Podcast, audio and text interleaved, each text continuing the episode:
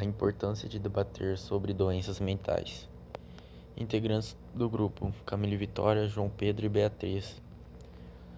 Segundo Emily Durkheim, um dos célebres teóricos do período oitocentista, a sociedade pode ser comparada a um organismo vivo, por apresentar mecanismos funcionais integrados. Odiernamente, contudo, a banalização das relações humanas, construídas ao longo da consolidação do capitalismo moderno, atua como um catalisador do aparecimento de psicopatologias, modificando a concepção contemporânea de saúde pública.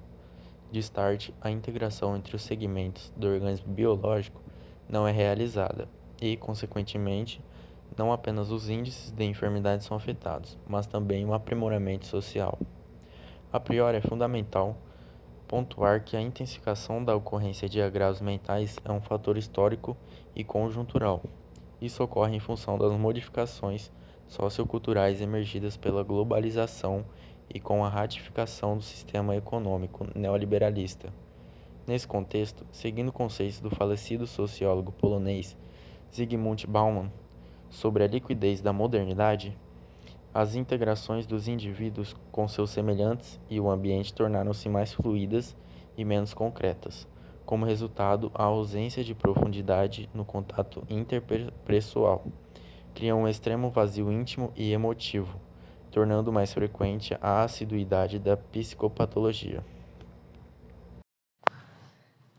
A posteriori, é indispensável destacar ainda que o agravamento das mazelas psíquicas causa uma enorme disfunção da saúde pública. Isso decorre da facilidade com que os agentes externos conseguem impactar a estabilidade fisiológica humana.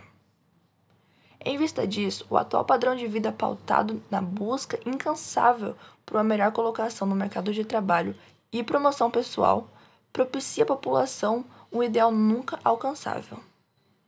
Por conseguinte, transtornos de ansiedade, distúrbios de pânico e depressão fazem-se presentes em um extrato social significativo, como ilustra os dados da Organização Mundial da Saúde, que mostra que somente no Brasil aproximadamente 20 milhões sofrem com tais disfunções, exemplificando a desarticulação entre integridade do trabalhador e as atividades exercidas.